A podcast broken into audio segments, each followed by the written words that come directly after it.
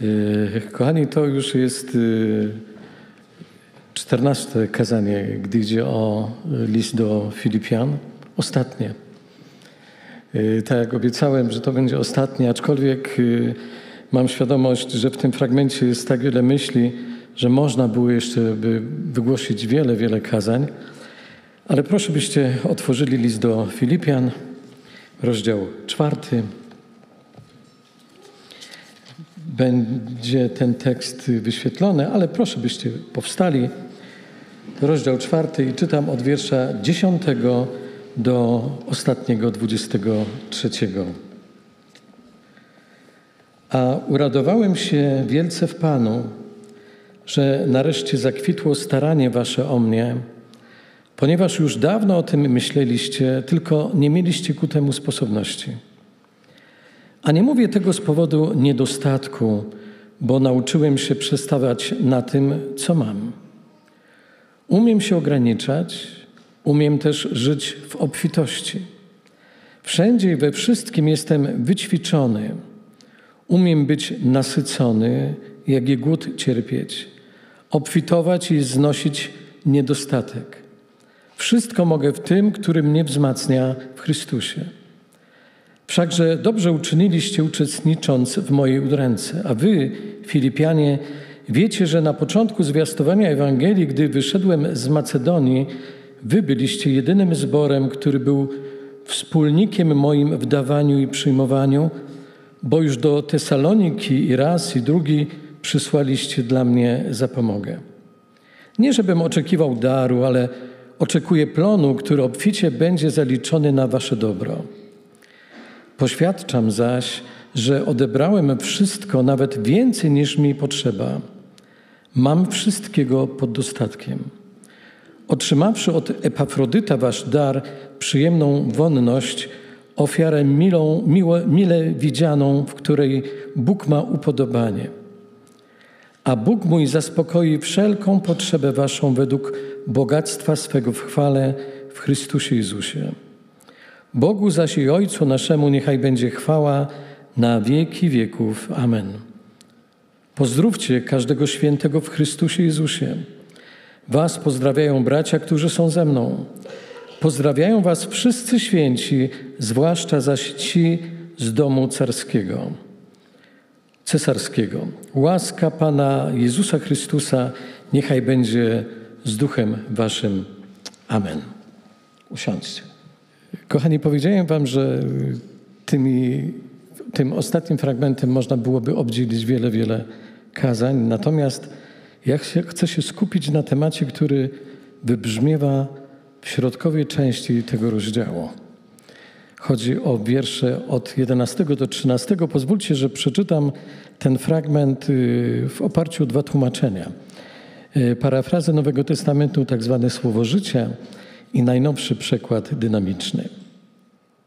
Nie chcę przez to powiedzieć, że kiedykolwiek czegoś mi brakowało, bo nauczyłem się być zawsze zadowolony, czy mam dużo, czy mało. Potrafię się obejść prawie bez niczego i umiem też żyć dostatnio. Poznałem tajemnicę zadowolenia w każdej sytuacji z pełnym żołądkiem, czy o głodzie, w dostatku, czy też w biedzie. Na razie wszystkiego mam pod dostatkiem, nawet więcej niż potrzebuję. I najnowsze tłumaczenie. Nie piszę tego, aby się skarżyć na jakiekolwiek braki. Nauczyłem się bowiem poprzestawać na tym, co mam, będąc samowystarczalnym w każdej sytuacji. Umiem się ograniczać, umiem żyć w dostatku, jestem przygotowany na każdą sytuację, niezależnie od tego, czy jestem syty, czy głodny, czy doświadczam obfitości, czy braków. Wszystkiego mam pod dostatkiem. Co za, co za niesamowite wyznanie. Jesteśmy w stanie powtórzyć te słowa, patrząc na siebie? Wszystkiego mam pod dostatkiem.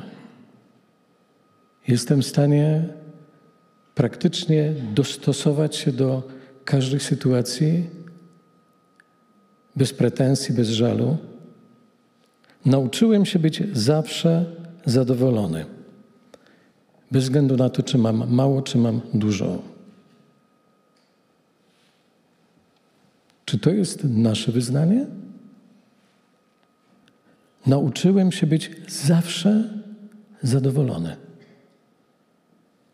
Bez względu na to, czy mam mało, czy mam dużo. Czy jesteś, czy ja jestem zadowolony?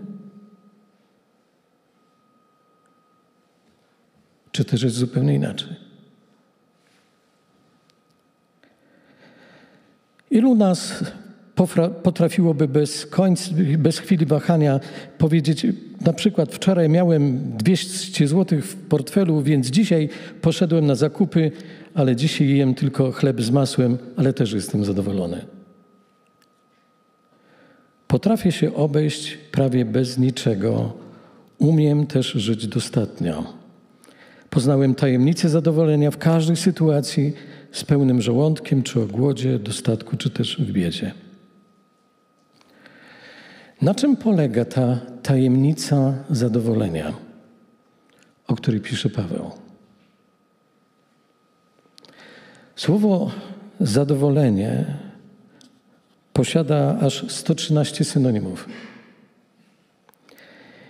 Najpopularniejsze to satysfakcja, spełnienie, zaspokojenie, szczęście, ukontentowanie, dostateczność. Natomiast Biblia na określenie zadowolenia używa również często nieco zaskakującego określenia poprzestawanie na małym lub pod dostatkiem. Kiedy na przykład Bóg mówi do Pawła, dosyć masz, gdy masz łaskę moją, to jest drugi Korynt, 12 rozdział, czy jak to ten werset tłumaczy słowo życia, jestem z Tobą i to Ci wystarczy. Bóg właśnie użył tego samego słowa, które w innych miejscach tłumaczone jest jako być zadowolonym. Tak na przykład y, jest to wyrażone w tłumaczeniach angielskich. Kochani, idea zadowolenia w Biblii dotyczy najczęściej kwestii majątku, własności z rzeczami materialnymi lub pieniędzmi włącznie. Dlaczego? Bo właśnie w kwestiach materialnych ludziom najtrudniej jest być zadowolonym. Cała historia ludzkości pokazuje, jak trudno być ukontentowanym z tego, co się ma. Zwykle bywa tak jak w powiedzeniu, że trawa u sąsiada zawsze jest bardziej zielona. Zgadzacie się z tym? Bardzo często pastor Karel stawia to pytanie: Zgadzacie się z tym? Jak to ujął jeden z blogerów? Mamy tendencję do idealizowania rzeczywistości i przypisywania pewnych pozytywnych atrybutów wszystkiemu, co nas otacza, a w czym nie bierzemy bezpośredniego udziału.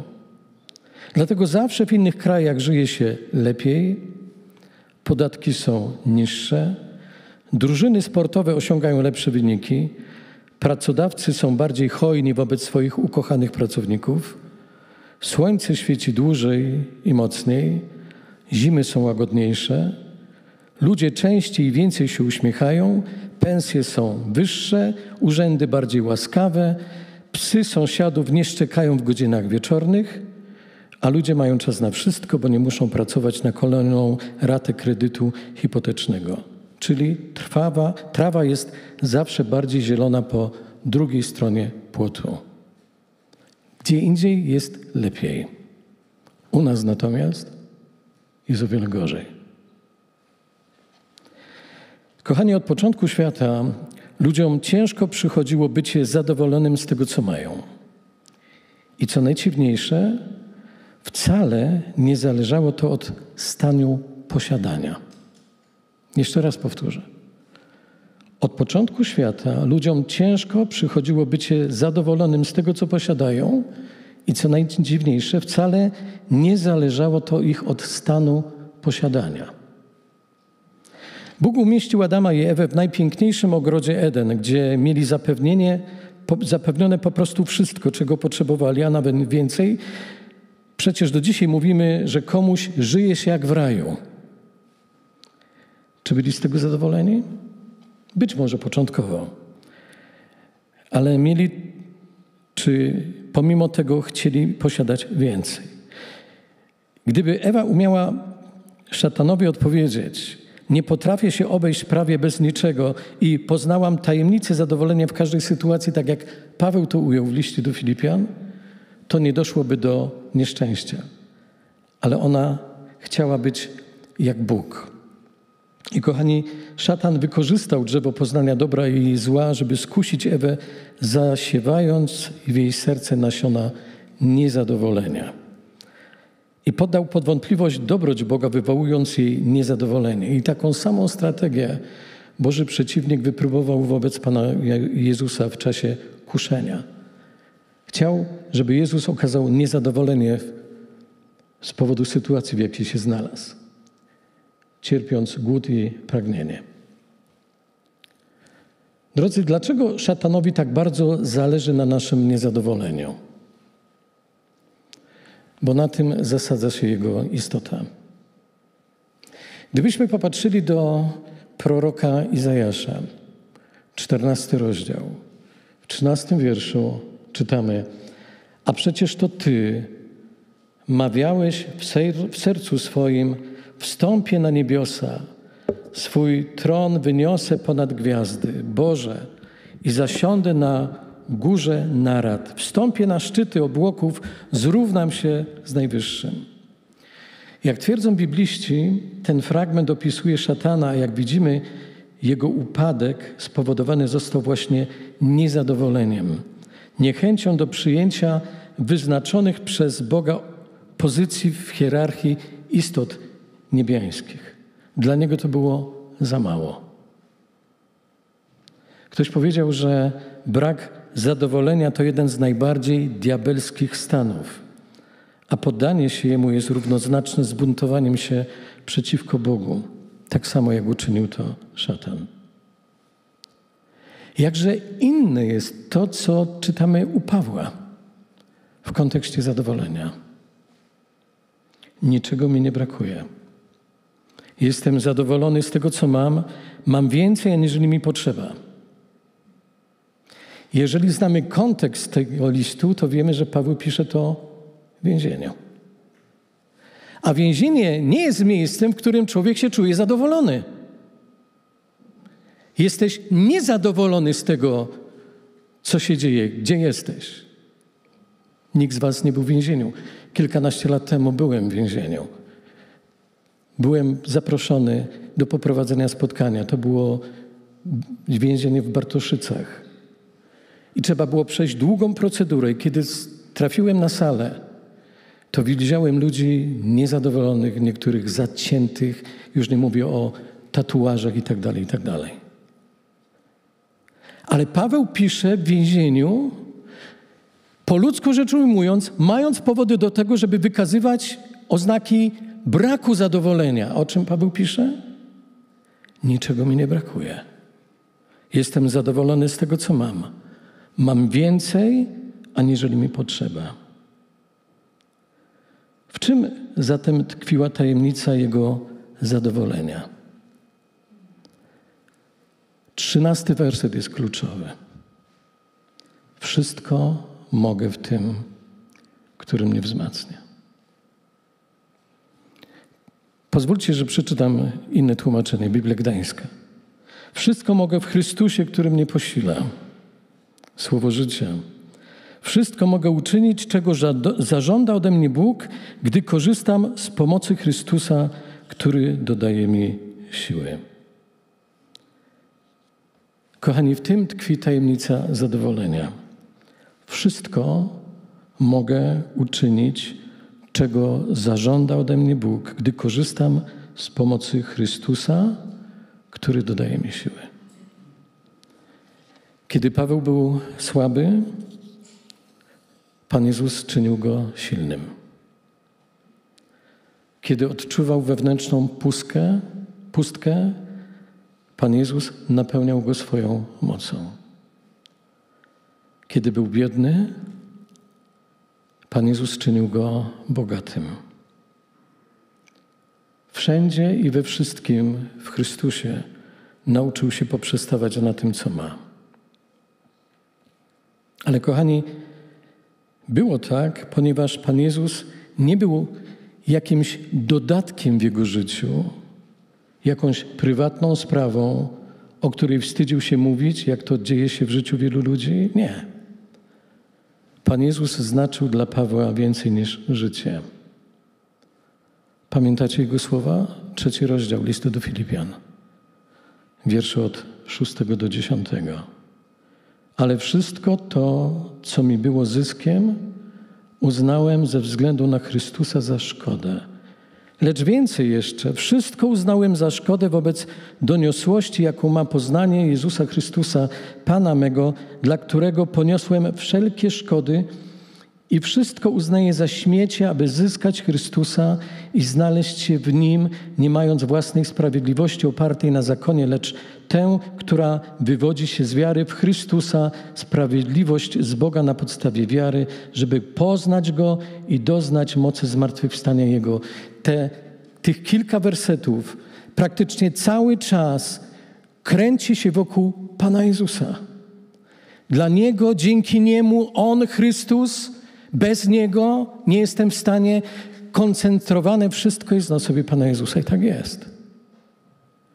Jeżeli moje życie jest skoncentrowane na osobie Pana Jezusa, mogę czuć się zadowolony. Natomiast jeżeli są inne rzeczy ważniejsze, jeżeli Pan Jezus jest tylko dodatkiem do mojego życia, nie dziw się, że często czujesz się niezadowolony.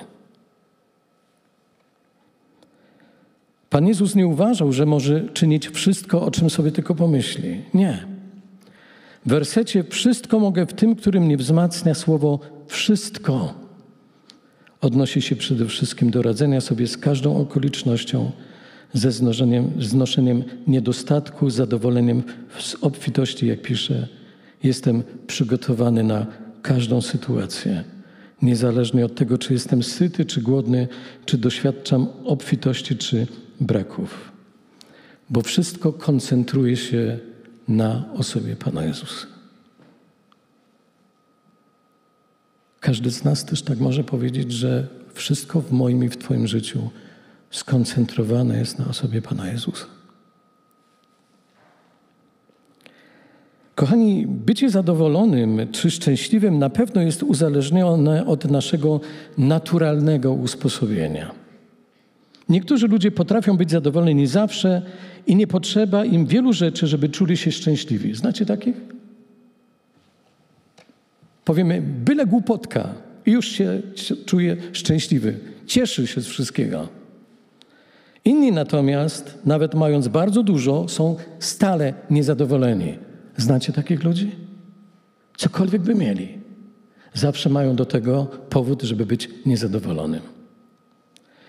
Kiedyś zapytano pewnego milionera, kiedy uzna, że ma dość pieniędzy. Na to on odpowiedział, że nigdy, bo zawsze może mieć o dolara więcej. Ale kochani, analizując teksty, teksty biblijne, widzimy, że prawdziwe zadowolenie, szczęście kształtuje się nie poprzez coraz większy stan posiadania, ale po pierwsze przez okazywanie wdzięczności za to, co się ma, i po drugie przez przechodzenie trudnych doświadczeń. Prawdziwe zadowolenie, szczęście kształtuje się nie poprzez coraz większy stan posiadania, ale poprzez okazywanie wdzięczności za to, co się posiada i przez przechodzenie trudnych doświadczeń. Zadowolenie jednego z najbardziej wpływowych ludzi wszechczasów, apostoła Pawła, jego ukontentowanie nie wynikało z okoliczności życia, bo tutaj naprawdę, jeżeli czytamy życie Pawła, nie miał wielu powodów do zadowolenia. Jego szczęście nie zależało też od postaw innych ludzi względem niego, bo na tym polu było fatalnie. Doznał wielu krzywd i niesprawiedliwości, a Filipianie byli jednymi z nielicznych, którzy nie sprawiali mu zawodu i nie dokładali zmartwień. Szczęście i zadowolenie Pawła wypływało jedynie, i znowu jestem monotematyczny, z obecności i bliskości Pana Jezusa. Szczęście i zadowolenie Pawła wypływało jedynie z bliskości i obecności Pana Jezusa. Możemy to powiedzieć? Moje szczęście i moje zadowolenie wypływa z bliskości i obecności Pana Jezusa. Czy my jesteśmy zadowoleni z tego, co posiadamy? Gdybyśmy porównali teraz siebie z tym, co pisze Paweł, czy jesteśmy wdzięczni za to Bogu, czy też bezustannie marudzimy?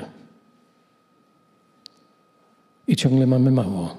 Oczywiście patrzymy na tych, którzy mają więcej. Ale z drugiej strony musimy mieć świadomość, że jest wielu tych, którzy mają o wiele mniej niż my.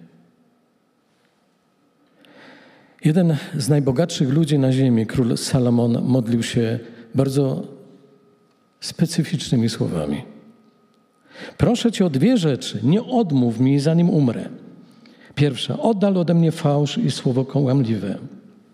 Druga, nienawiść mnie, nienawiedź mnie ubóstwem, ani nie obdasz mnie bogactwem. Daj mi spożywać chleb według mojej potrzeby, abym będąc syty, nie zaparł się Ciebie i nie rzekł, któż jest Pan? Albo abym z nędzy nie zaczął kraść i nie znieważył mojego Boga. Jedno z tłumaczeń wyraża ten, w ten sposób. Nie przyznawaj mi ani bogactwa, ani nędzy, lecz zaopatrz tylko w, w to, co konieczne i wystarczające. Oczywiście moglibyśmy powiedzieć, dobrze Salomonowi mówić. Gdyby miał tylko 1% z jego bogactwa, też byłbym zadowolony. Ale pytanie, ile tych procent musielibyśmy mieć, żeby mieć poczucie zadowolenia? W takim razie wszyscy ludzie bogaci powinni być szczęśliwi? Czy faktycznie tak jest? Myślę, że wielu z nas jest znane nazwisko Roman Kluska. To jest twórca firmy Optimus i portalu internetowego Onet. Jeden z najbogatszych Polaków, który sprzedał swoją firmę i teraz hoduje owce. I zapytany, czy woli pan życie zaszytego na wsi rolnika od obiadów z Billem Gatesem, odpowiedział: Spotkałem w życiu wielu bogatych ludzi. Zauważyłem jednak, że ludzie bogaci nie są szczęśliwi. Praca dla nich jest jak narkotyk. W biznesie, w biznesie tak się człowiek zatraca, że gubi czas na życie, na rodzinę. A to przecież jest szczęście. Akcje firmy sprzedałem za pół ceny, a i tak mnóstwo pieniędzy mi zostało. Mogłem i mogę nadal sobie kupić prywatną wyspę, samolot, lotnisko. Kiedyś nie byłem szczęśliwy, teraz znalazłem swoją drogę. Dziennikarz pyta: Rozdawanie swojego majątku to sposób na szczęście według Pana? Odpowiada Kluska: Płacę za to, co kiedyś dostałem. Dostałem dużo talentów, jest więc dla mnie rzeczą naturalną, że dzielę się teraz z tymi, którzy takich możliwości nie mają. I w pewnym momencie ten biznesmen został fałszywie oskarżony, aresztowany. Dwie noce spędził, dwie doby spędził w celi z mordercą, złodziejem i sprawcą rozboju. I mówi tak: Wszystkie moje wartości pękły jak bańka mydlana. Jednak to doświadczenie było mi potrzebne. W tej celi, w której siedziałem, cały czas powtarzałem sobie: Jezu, ufam Tobie. Pomogło. Stałem się nowym człowiekiem, mam czas. Dobroć hamuje pychę to prawdziwe człowieczeństwo. Robiąc z przedsiębiorcy człowieka, odzyskuje się szczęście. Kochani, Pan Jezus naucza w Ewangelii Łukasza w 12 rozdziale: baczcie, a wystrzegajcie wszelkiej chciwości, dlatego że nie od obfitości dóbr zależy czyjeś życie. W tym sformułowaniu Panu Jezusa między innymi mamy do czynienia z podwójnym ostrzeżeniem. Baczcie, a wystrzegajcie się chciwości. Ostrzegał przed tym także autor listu do Hebrajczyków w 13 rozdziale, gdzie czytamy: Niechaj życie wasze będzie wolne od chciwości. Poprzestawajcie na tym, co posiadacie. Sam bowiem powiedział Bóg: Nie porzucę cię, ani cię nie opuszczę. A Paweł pisał o tym nie tylko do Filipian, ale też do innych zborów. Pierwszy Tymoteusz, szósty rozdział. I rzeczywiście pobożność jest wielkim zyskiem, jeżeli połączona jest z poprzestawaniem na małym. Jeżeli zatem mamy wyżywienie odzież, poprzestawiajmy na tym. Kochani, jeśli możemy mieć obiekcje co do zasobności króla Salomona, to w wypadku Pawła nie można mieć zastrzeżeń. Problemy i zdobywanie z trudem środków do życia były stałymi towarzyszkami Pawła. Były dni, kiedy jego potrzeby były w pełni zaspokojone, ale często, jak pisze, był w trudzie, znoju, często w niedostypianiu, w głodzie, w pragnieniu, często w postach, w zimie, w zimnie i na gości. Ale kochani, przykład Pawła dowodzi, że można być zadowolonym, nawet kiedy przeżywamy trudności, kiedy przechodzimy próby, czy kiedy ponosimy straty. Nie tylko cały list Pawła do Filipian, ale w ogóle listy Pawła dowodzą, że można być zadowolonym, nawet kiedy przeżywamy trudności, kiedy przechodzimy próby, kiedy ponosimy straty. Może ktoś z Was, ktoś z nas znajduje się w sytuacji, w której przeżywasz trudności, kiedy przechodzisz konkretne próby, kiedy może ponosisz straty. I z automatu wydaje się, że jest niemożliwą rzeczą, żeby być zadowolonym, żeby się cieszyć z tego, w jakim momencie życia się znajdujesz. Mogę być zadowolony. Pytanie, co jest podmiotem, jeżeli skupiam się na próbach, doświadczeniach, to nigdy nie będę zadowolony. Natomiast jeżeli skupiam się na Panu Jezusie, na obecności z Nim, to bez względu na sytuację okoliczności mogę czuć się zadowolony, aczkolwiek nie brzmi to szczęśliwie do końca. Szczęśliwy, spełniony, ukontentowany. Wszystko mogę uczynić, czego zażąda ode mnie Bóg gdy korzystam z pomocy Chrystusa, który to On dodaje mnie siły. Kiedy korzystam z pomocy Chrystusa, który może wtedy dodać mnie siły. Niech Was Pan Bóg błogosławi. Amen. Będziemy się modlić.